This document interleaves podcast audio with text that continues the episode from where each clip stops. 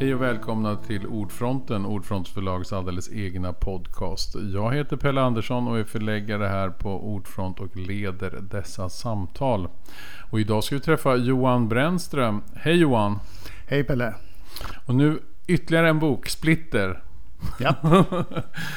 I Mikael, Mikaela Sköld-serien. Hur är det där med att skriva om en person i flera böcker? Blir det roligare och roligare eller blir det svårare och svårare? Eh, det blir faktiskt roligare och roligare tycker jag. För att eh, man får möjlighet att följa ett längre, en längre berättarlinje. Eh, karaktärsutvecklingen hos de involverade ser man ju på ett längre, längre och längre mm. sikt när man mm. skriver. Inte bara en bok som när jag skrev Feber. Då hade jag inte någon horisont på den. Nej, Annat än att jag hoppades. Jag hade idén till Röd signal. Men just eh, Mikaelas karaktärsutveckling fanns ju inte riktigt. Och den fick ju lite ny skjuts med förra boken, Ingen mm. ska skonas, med det trauma som hon då hittade som hon hade genomlidit i sin, sina tonår som nu fortsätter och jäcka henne som hon gräver vidare här i den här boken. Mm. Och det är ju väldigt spännande då att följa jakten på det, vad som händer kring det också. Men också hur de utvecklas, vad som händer i livet hos de mm. karaktärerna som jag har valt som huvudkaraktärer. Det är mm. väldigt spännande att utforska.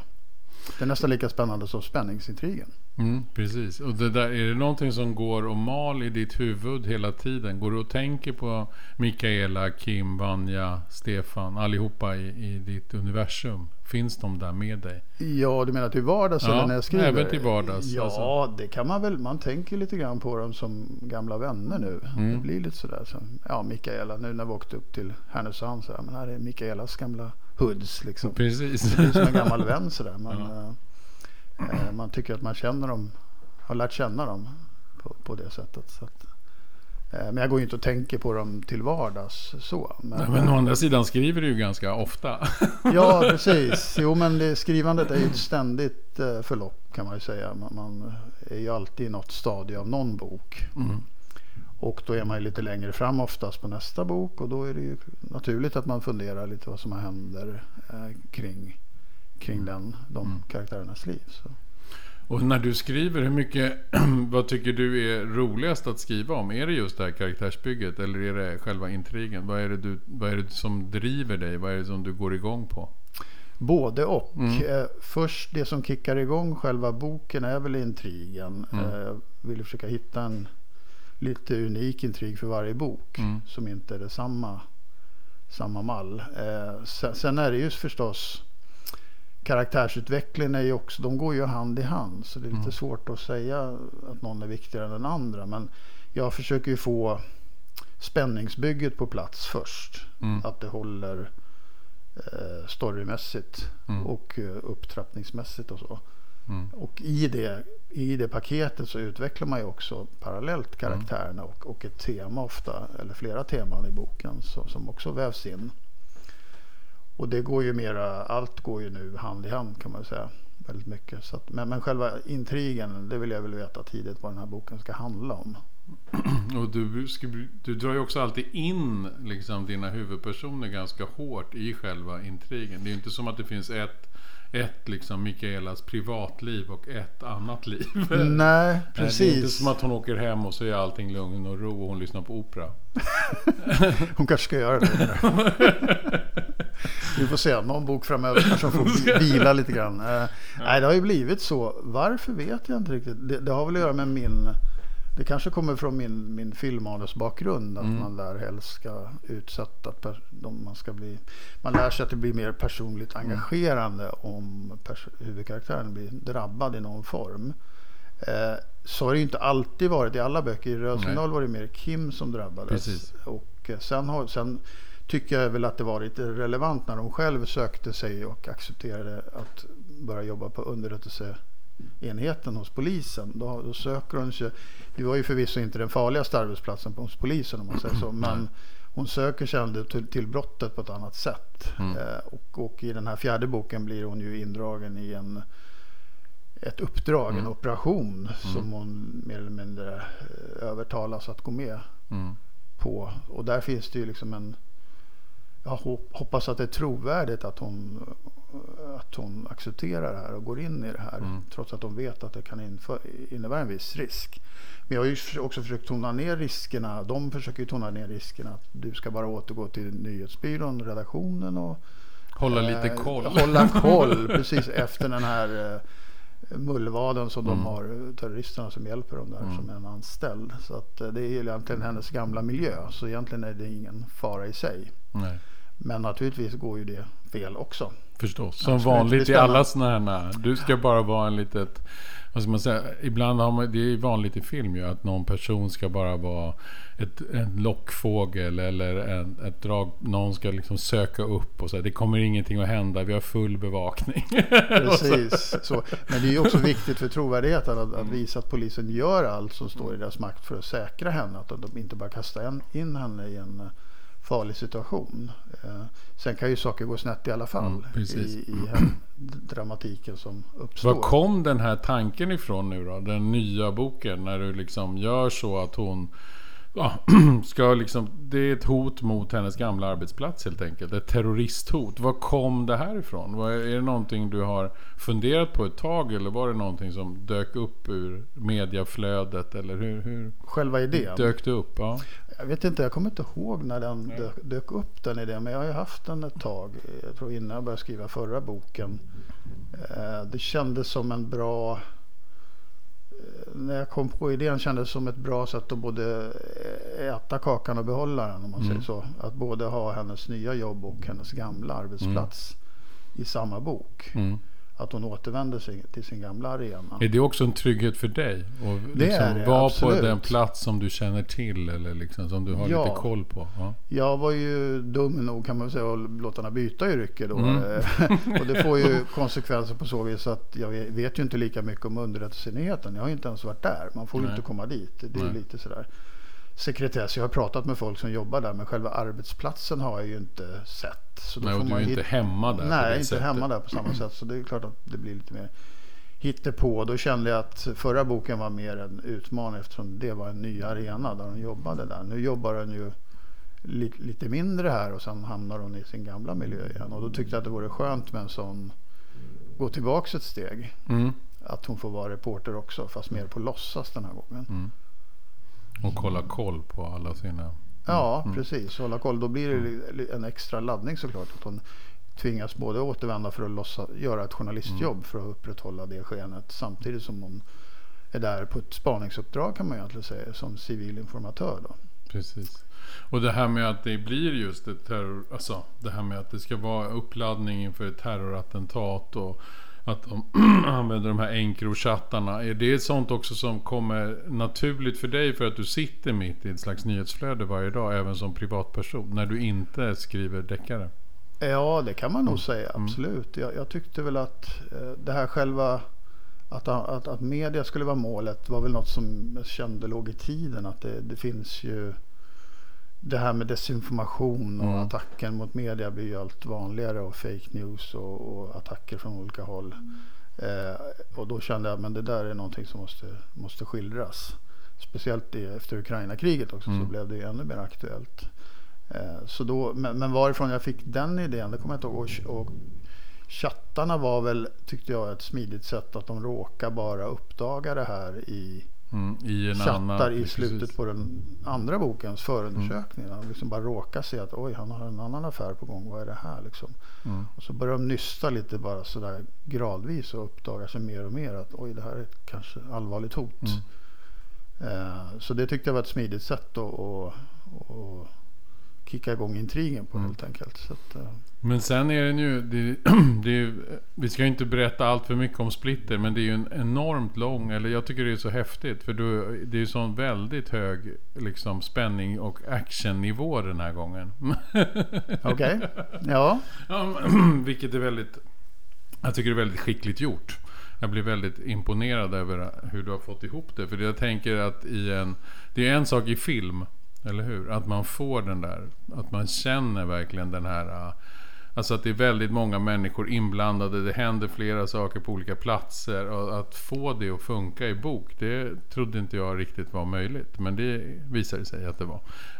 När du gjorde det här, när du började tänka på den här intrigen och började tänka på hur det här skulle liksom, det måste ju ändå bli ett ganska avancerat mm. klipp och klistrande. Ja, ja. Var du säker på det här innan? Eller började du tänka ut och sätta upp något sånt system för dig själv? Eller hur, hur tog du dig an det här bekymret? Eller skrev ja, du bara på? ja, alltså egentligen så skrev jag nog bara på. Jag tänkte jag får nog lösa det när det kommer. Men, men jag visste ju ungefär hur jag skulle bygga upp det. Det handlar inte så mycket om, en del böcker kanske börjar med terrordådet. Så mm. den här trappar ju upp mot det så att säga. Mm. Det är ganska lång sträcka innan det händer någonting mm. där. Men det är så roligt att höra att du tycker den är spännande mm. ändå från början. För, för det, det är ju ganska smygande. Den smyger ju på det här, mm. det, det, här terrorhotet. Uppdagas ju mer och mer. Så, så det handlar ju bara om sökandet efter den här gruppen, mystiska mm. gruppen som, som ska slå till.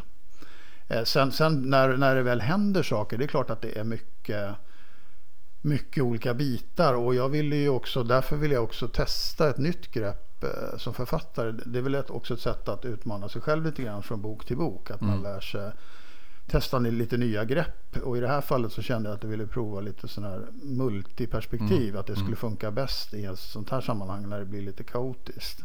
Mm. Att då hoppa från eh, huvud till huvud så att säga eh, växla karaktärer mitt Precis, i, perspektiv, i personer hela ja. tiden. Ja. Jag hoppas att det funkar. Jag, jag vet det ju inte funkar alldeles utmärkt tycker ja, jag. Vi får höra vad lyssnarna och läsarna säger. Ja, roligt att höra. Precis. För det var liksom ett grepp som jag kände att ja, det, jag hade läst det i den här amerikansk jord bland annat. Mm. Åsa Larssons Fädens mm. missgärning. Hon hoppar ju väldigt snyggt. Mm. Mellan olika perspektiv. Ja, och då kände jag att det där skulle man kunna prova i den här boken. Mm. Just, det måste finnas ett, ett sammanhang för mm. att det ska funka. Mm. Och jag var lite orolig för det är ett ganska komplext grepp att få funka. Det gäller att vara, vara väldigt tydlig vems huvud man är i. Som du mm. påtalade också. Att man Precis, liksom att man inte får missa någon någon gång. Eller Nej. att det får inte bli otydligt. Precis, mm. så, så det har jag väl jobbat en hel del med. Så att, och, det, och det var väl ett sätt att skapa spänning i, i de här mer actionfyllda sakerna som mm. händer sen. Att eh, hoppa då, det går liksom fortare att byta perspektiven. perspektiven att skapa en ny scen hela tiden.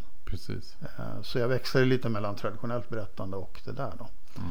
Men det var väl någonting som uppstod efter behovet. Det behovet jag hade av hur den här skulle berättas. Mm. Och du är ju också tillbaka i Uppsala, eller hur? En del ja. av intrigen utspelar sig i Uppsala, eller tillbaka och tillbaka. Men det är också en plats du känner väl. Ja, ja exakt. Och det ja. var väl lite den, det elementet. Ett annat element av Gräva där du mm. står, precis som själva redaktionen är. Att jag, jag kände att jag ville velat letat efter en möjlighet att få in Uppsala i mm. tidigare böcker men det har inte funnits. Jag, jag, skulle gärna vilja använda min, min hemmiljö men det har mm. inte blivit så i och med att den här har förlagts till Stockholm. Men i det här fallet så kände jag att ja, men här skulle faktiskt den här det här eh, terrorplanerna kunna uppstå där runt mm. omkring. Därför att de, de, det finns också en Uppsala-koppling som är större än så. Men att mm. första hand gå under radarn lite grann för Stockholmspolisen vad de mm. håller på med. Så de använde ju ett, utan att spoila för mycket, ett eh, bilföretag där som mm. bulvan för, för att transportera saker mm. till en början. Och det var väl någonting som jag läste i, i UNT då när jag jobbade bland annat. Att det hade använts företag de, som hade, företagare hade utpressats och, och, och hjälpa kriminella och sådär.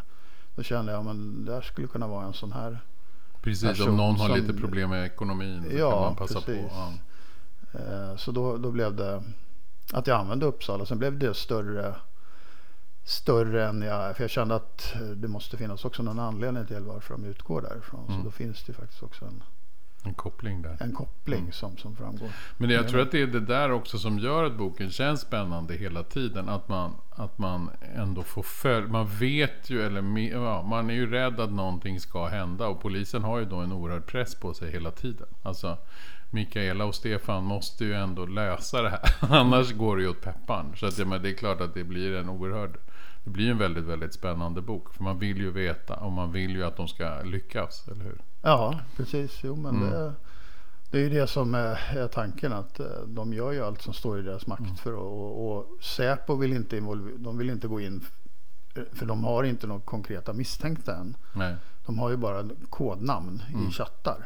Och vilka som ligger bakom dem vet de inte än. De har bara liksom eh, några vaga signalement. Eh, För de håller sig ganska i det fördolda de här. eh, Och är väldigt sluga. Och eh, använder bulvaner och sådär. Och, och, så då blir det svårare för dem att eh, Säpo ber dem, säger ni får fortsätta att driva det här som en polisutredning tills ni har några konkreta misstänkta. Då, då kliver vi in liksom. Eh, och då blir det ju mer press på polisen att hålla koll på det här. Så de eh, sätter ju spaning från första stund egentligen av, på, Precis. på själva redaktionen och sådär. Eh, och det här var viktigt för mig. Jag hade, för trovärdigheten i det här var jag lite orolig för i början. Att de agerar, att de inte agerar direkt så fort de har. Men, men jag läste en bok av han före detta Säp, eller danska Säpos i, Mm. chef i, kring det här dådet mot Jyllandsposten. Just det, Eller precis, hotet. just det, precis. Eh, där var det ju, agerade de ju väldigt sent för de ville ta terroristerna på bar gärning. Alltså de, de kunde inte slå till för tidigt förrän de bokstav, och, då, och, redaktionen visste ju ingenting där. Nej. De fick inte veta någonting av att de här bokstäverna var på väg Mm. mot redaktionen innan de greps. Och det använde jag lite grann i Splitter, det, det scenariot. Mm. Och så ringde jag faktiskt en författarkollega, Andreas Norman, som Mm, jobbat det, på, precis. Som jobbar väl med sånt här. Utrikesdepartementet Ja. med, med terrorfrågor. Så han har ju skrivit många, flera bra böcker själv. Mm. Och frågade om det här var trovärdigt. Han, och när han gav grönt ljus då kände jag, ja men okej.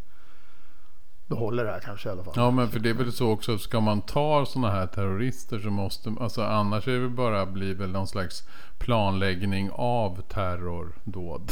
Ja. Man måste Precis, det blir ju... Det komma blir, nära in på för att de ska få riktiga påföljder och Ja, riktiga straff. Mm. precis. För, för blir det inte så, antingen om de griper för tidigt då kanske de undkommer. De kanske har allierade som ändå fortsätter någon form av planering. Det finns alltid risk att inte samla alla i samma säck och knyta åt den ordentligt när de har dem. Så. Eh, så det är viktigt att de verkligen kartlägger det här ordentligt och håller koll på dem och sådär. Så att, Och på Men- så sätt var den här boken mera, var det mer saker att hålla reda på? Var det mera nyheter för dig att forska fram än vad det har varit i tidigare böcker? Blev det mer research den här gången eller hur, hur upplever du det? Och tycker du Nej. det är roligt med research? Ja, men det, det ingår för mig i det kreativa arbetet. Med, jag gör det tidigt för att skapa få idéer också till, till scener och, och story. Så att, Mm. För jag känner att det är först när jag kan ämnet som, som jag kan också lägga ihop eh, storyn. Mm. Så, men i det här fallet så var det nog lite mindre research skulle jag väl säga i och med att den utspelar sig på en, en bekant i en Eller bekant två miljö. platser som är Ja. bekanta faktiskt. Ja, precis. Och Mm. så, så det kunde jag utnyttja. Men det är klart att det var lite research kring, kring terrorgrupper och sådär. Och, så. Mm. Eh, och, och lite krypterade chattar och så. Men, men i övrigt så var det väl inte så, så mycket faktiskt. Jag Nej. brukar intervjua en del folk och så, Mm. jag gjorde nog inte det till den här boken. Det var väl lite mera... Jag läste en del böcker då. Om eh, sa- ja, om precis. precis. Jag läste hon vad heter hon? Eh, Drottninggatan. Hon som Just det, skrev, eh, Åsa Erlandsson. Åsa Erlandsson. Otroligt, bara för att få en känsla av hur, hur, hur polis och alla räddningstjänst agerade under en, liksom, ett sånt dåd. Så då Precis. fick jag ju liksom lite... Hon, Inside där. ja, precis. Så jag har väl läst och sen, var ju, sen blir ju också dottern Vanja dras ju Mm. in lite grann i en, eh, en aktivistgrupp. Precis. Ja, och då läste jag någon bok om ockupationer och sådär. Bland annat Mm. om, om hur den historien kring ockup- husockupationer och så. Mm. För att få en känsla hur de tänker och så. så att, eh, men i övrigt så har det väl inte varit så mycket. Det är alltid lite teknisk research så där, kring, Mm. kring liksom dataintrång och så. Och cyberattacker och så. Men eh, jag skulle säga att det är lite mindre Mm. den här. Förra boken var nog svårast. Ingen ska skonas. Ja, för då det var ju ja. gängkriminalitet och allt var ju nytt.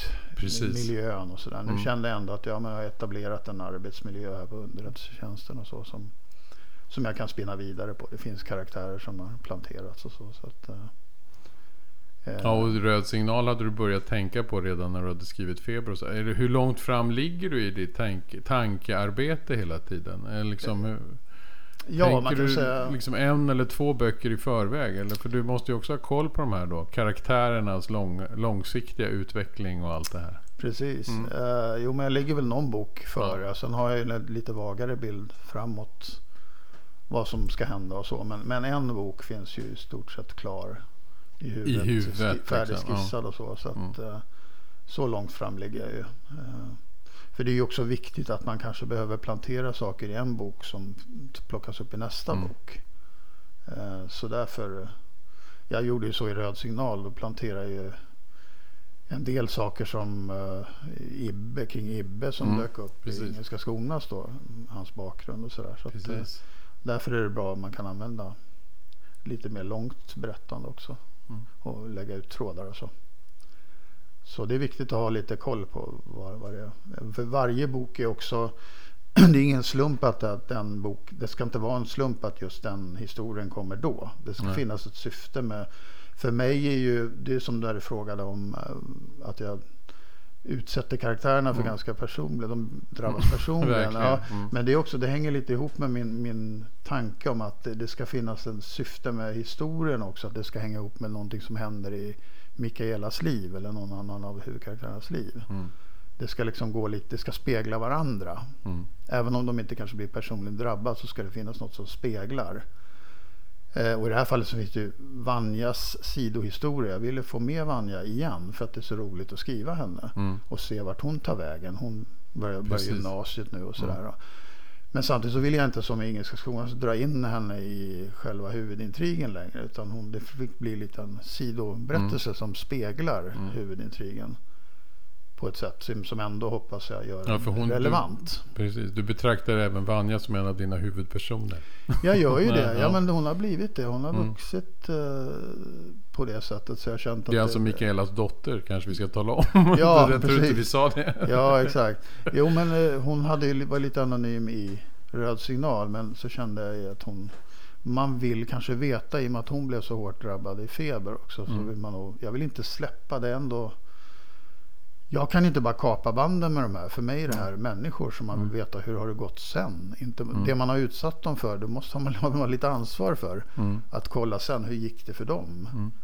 Eh, Sofie, hennes kompis som också var med i Engelska skolan, finns ju med i den här boken mm. också. Man, för jag kände att, men hur gick det för henne? Det hon mm. genomled måste ändå ha varit ganska jobbigt det får ju effekter på livet. Man kan inte bara gå vidare och blunda för saker som har hänt. Nej. Allt man har skrivit blir ju det förflutna för de här mm. karaktärerna. Och då, då, är det viktigt att... då finns det mycket att plocka där också kanske. Alltså ja, det saker gör som du kanske inte ens nu vet att du kommer att hämta upp ur någon bok. Nej, precis. man får nog... Ja. Det är saker som man har glömt i tidigare böcker. Mm. Karaktärer så här, som man kanske behöver, skulle behöva plocka upp. Så mm. att, uh, men så är det nästan. Att man, man försöker väva in det så mycket som möjligt där. Vilka tror du kommer att ha viktiga roller i nästa bok förutom Mikaela? Eh, ja, Vågar man avslöja något om det? Ja, det är lite knepigt att avslöja nästa bok eftersom ja. det, det, är en... Eh, då spoilar man lite slutet av den här boken. Ja, då, Så jag, jag kan inte berätta dumt. för mycket om Nej. den. Men, men det finns ju i boken i slut ordet ett synopsis på nästa mm. bok. Bara mm. för att jag ville ha känslan att Man måste köpa boken och läsa ja, hela får, för att komma dit. Man får liksom ändå en, en, liten, eh, ja. en liten teaser där. Mm. Eh, hur vad nästa bok kommer att handla mm. om. Eh, men för de som inte har läst Splitter vill jag liksom inte gå in på det. För, för det, det, det som händer färgar den boken väldigt mycket. Mm. kan man säga. Jag har en klar bild av vad den ska handla om. Och Mik den kretsar mycket kring Mikaela förstås. Mm. Och Stefan kommer att komma tillbaks och Vanja också. Så att, uh, alla är med igen. Alla är med igen. Mm. Kim vet jag inte hur det blir lite grann. Det hänger lite i luften i den här boken. Den mm. handlar ju lite grann om... Uh, ja, det finns ju en slags relation mellan Kim och Mikaela hela tiden som är lite... Ja, den går upp och ner. ja, precis. Nu ser ju Kim den här gången chansen att åh, nu värvar hon, mm. tror hon, Mikaela tillbaks till ny, nyhetsbyrån, redaktionen. Och nu tror, ser hon en chans att de har ju återupptagit sin relation lite mm. grann. Mm. hoppas ju Kim. Och mm. sen dyker det här uppdraget upp som förstör för Mikaela. Hon vet inte riktigt vad hon känner. Och samtidigt så spirar lite känslor med, med Stefan också mm. som är nu separerad. Mm. Utan att spoila för mycket för det, mm. klargörs ju i början. Så, att, så det, ju, det, finns ju ett, en relationsspel där eh, som, eh, som fortsätter pågå mm. Eh, i, i böckerna. Det får liksom Det blir också slut. en del av spänningen, eller hur? En del av att man vill läsa vidare. Man vill ju veta hur det går för alla personer. Man vill veta hur det går med de här relationerna. Ja, ju, jag hoppas det. driver ju också framåt läsningen ja. på, på, något sätt. Jag hoppas det. Eh, mm. det. det. är den mänskliga dimensionen i det. Det är ju lika viktigt som spänningen mm. tycker jag. Karaktärs är det svårare att alltså, liksom fördjupa, förändra, sätta konflikter? Eller är det precis lika eller är det lika svårt som att jag hittar på de andra konflikterna? För det måste ju också finnas konflikter och svårigheter för dem även i det privata livet. Ja. Eller? Nej men det kommer nog ganska lätt för mm. mig. För just det här med konflikt är väl någonting jag har i ryggmärgen. Att man, eh, ja, det kan man kanske har, säga. Ja, det kommer väl också från filmmanusberättarna. Att det, ja, alla scener ska ha någon form av konflikt. Inre konflikt, yttre konflikt och, och, och, och så. så att, eh, det finns ju hela tiden och, det gör ju att det får inte vara rosenskimrigt liksom utan det, det ska vara något problem hela tiden som, som härjar. Mm. Uh, så, så, så för mig är det, det bygger jag in i relationen. Att, eller i själva situationen kan man säga mm. att man bygger in det där. Att man skapar en situation som gör som ja, ökar konflikten. Mm. I det här fallet så blir det en automatisk konflikt när Mikaela tvingas ljuga om sitt syfte där. Mm. Då blir det ju en konflikt på alla nivåer eftersom hon eh, tvingas spela ett spel som Kim inte ens vet om.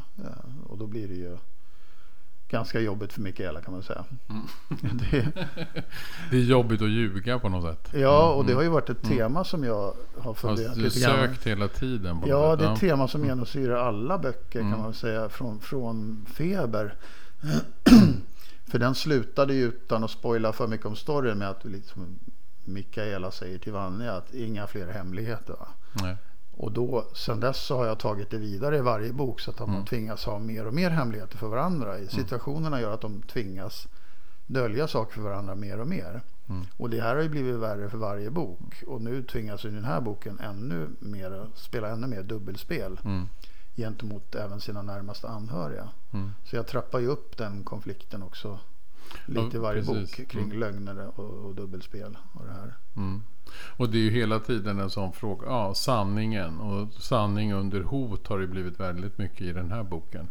Mm. Eller hur? Eller liksom ja, verklighetsbilden. Hur, ja. Vad är det vi egentligen vill ha? Ja. Precis, jo men det är väl lite om man nu likställer sanningen med media. Det kan man mm. väl alltid diskutera. Men det är i alla fall mediers jobb är att försöka vara objektiva och mm. förmedla sanningen. Eh, och eh, sen gör ju de fel också och det är väl de felen som de här de här eh, konspirationsteoretikerna de förvrider utnyttjar, ja, och liksom. utnyttjar. Så att, men, men, men tanken är ju att de, de är an, an, ansatta från alla flanker på något mm. sätt av desinformation och så.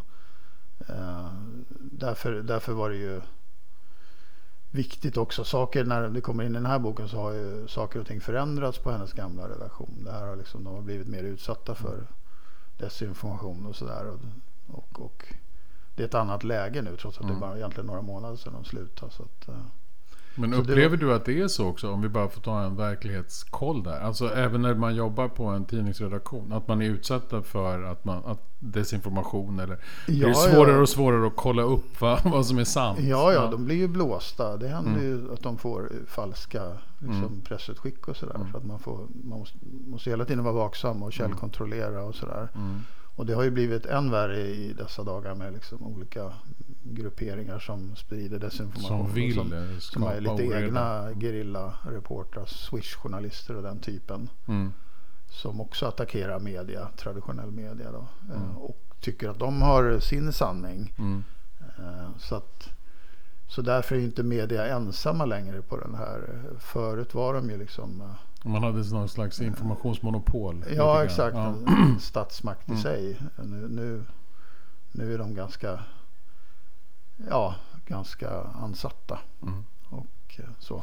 Är det här ett tema som du kommer fortsätta då driva genom framåt också? Det här med sanning, lögn, dolda agendor? Ja, alltså jag det... vet inte det. Jag, jag, jag, tror väl att det, det ligger liksom i, i böckernas natur att mm. hon hamnar i en situation där hon hon lovar sig själv att nu ska jag aldrig mer ljuga för Nej. min dotter eller så. Och så hamnar hon ändå i en situation där hon tvingas göra det. Mm.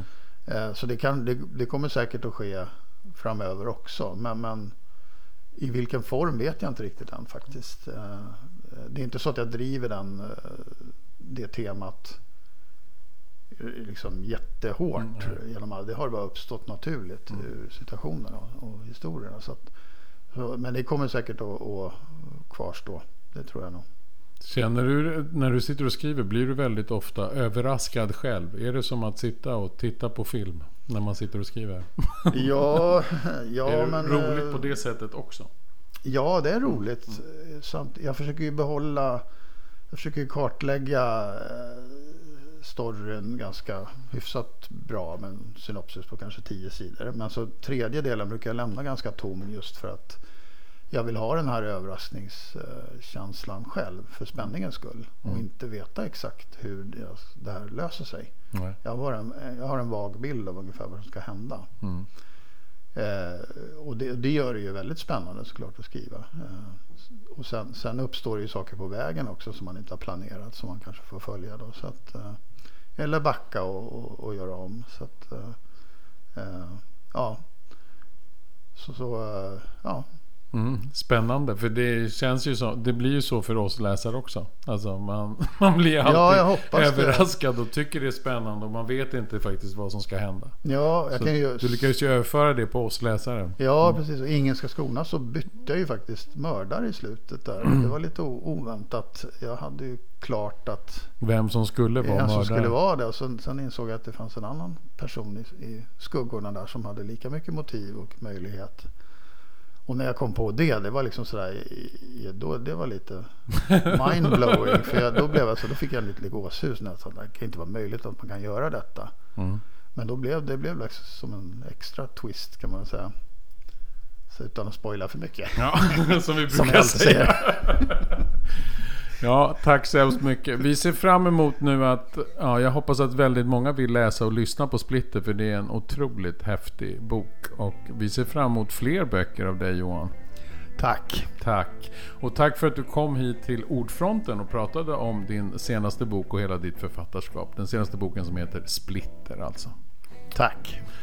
Bra, det var allt från Ordfronten för den här gången och vi återkommer med nya avsnitt så småningom. Ha det så bra, hej då!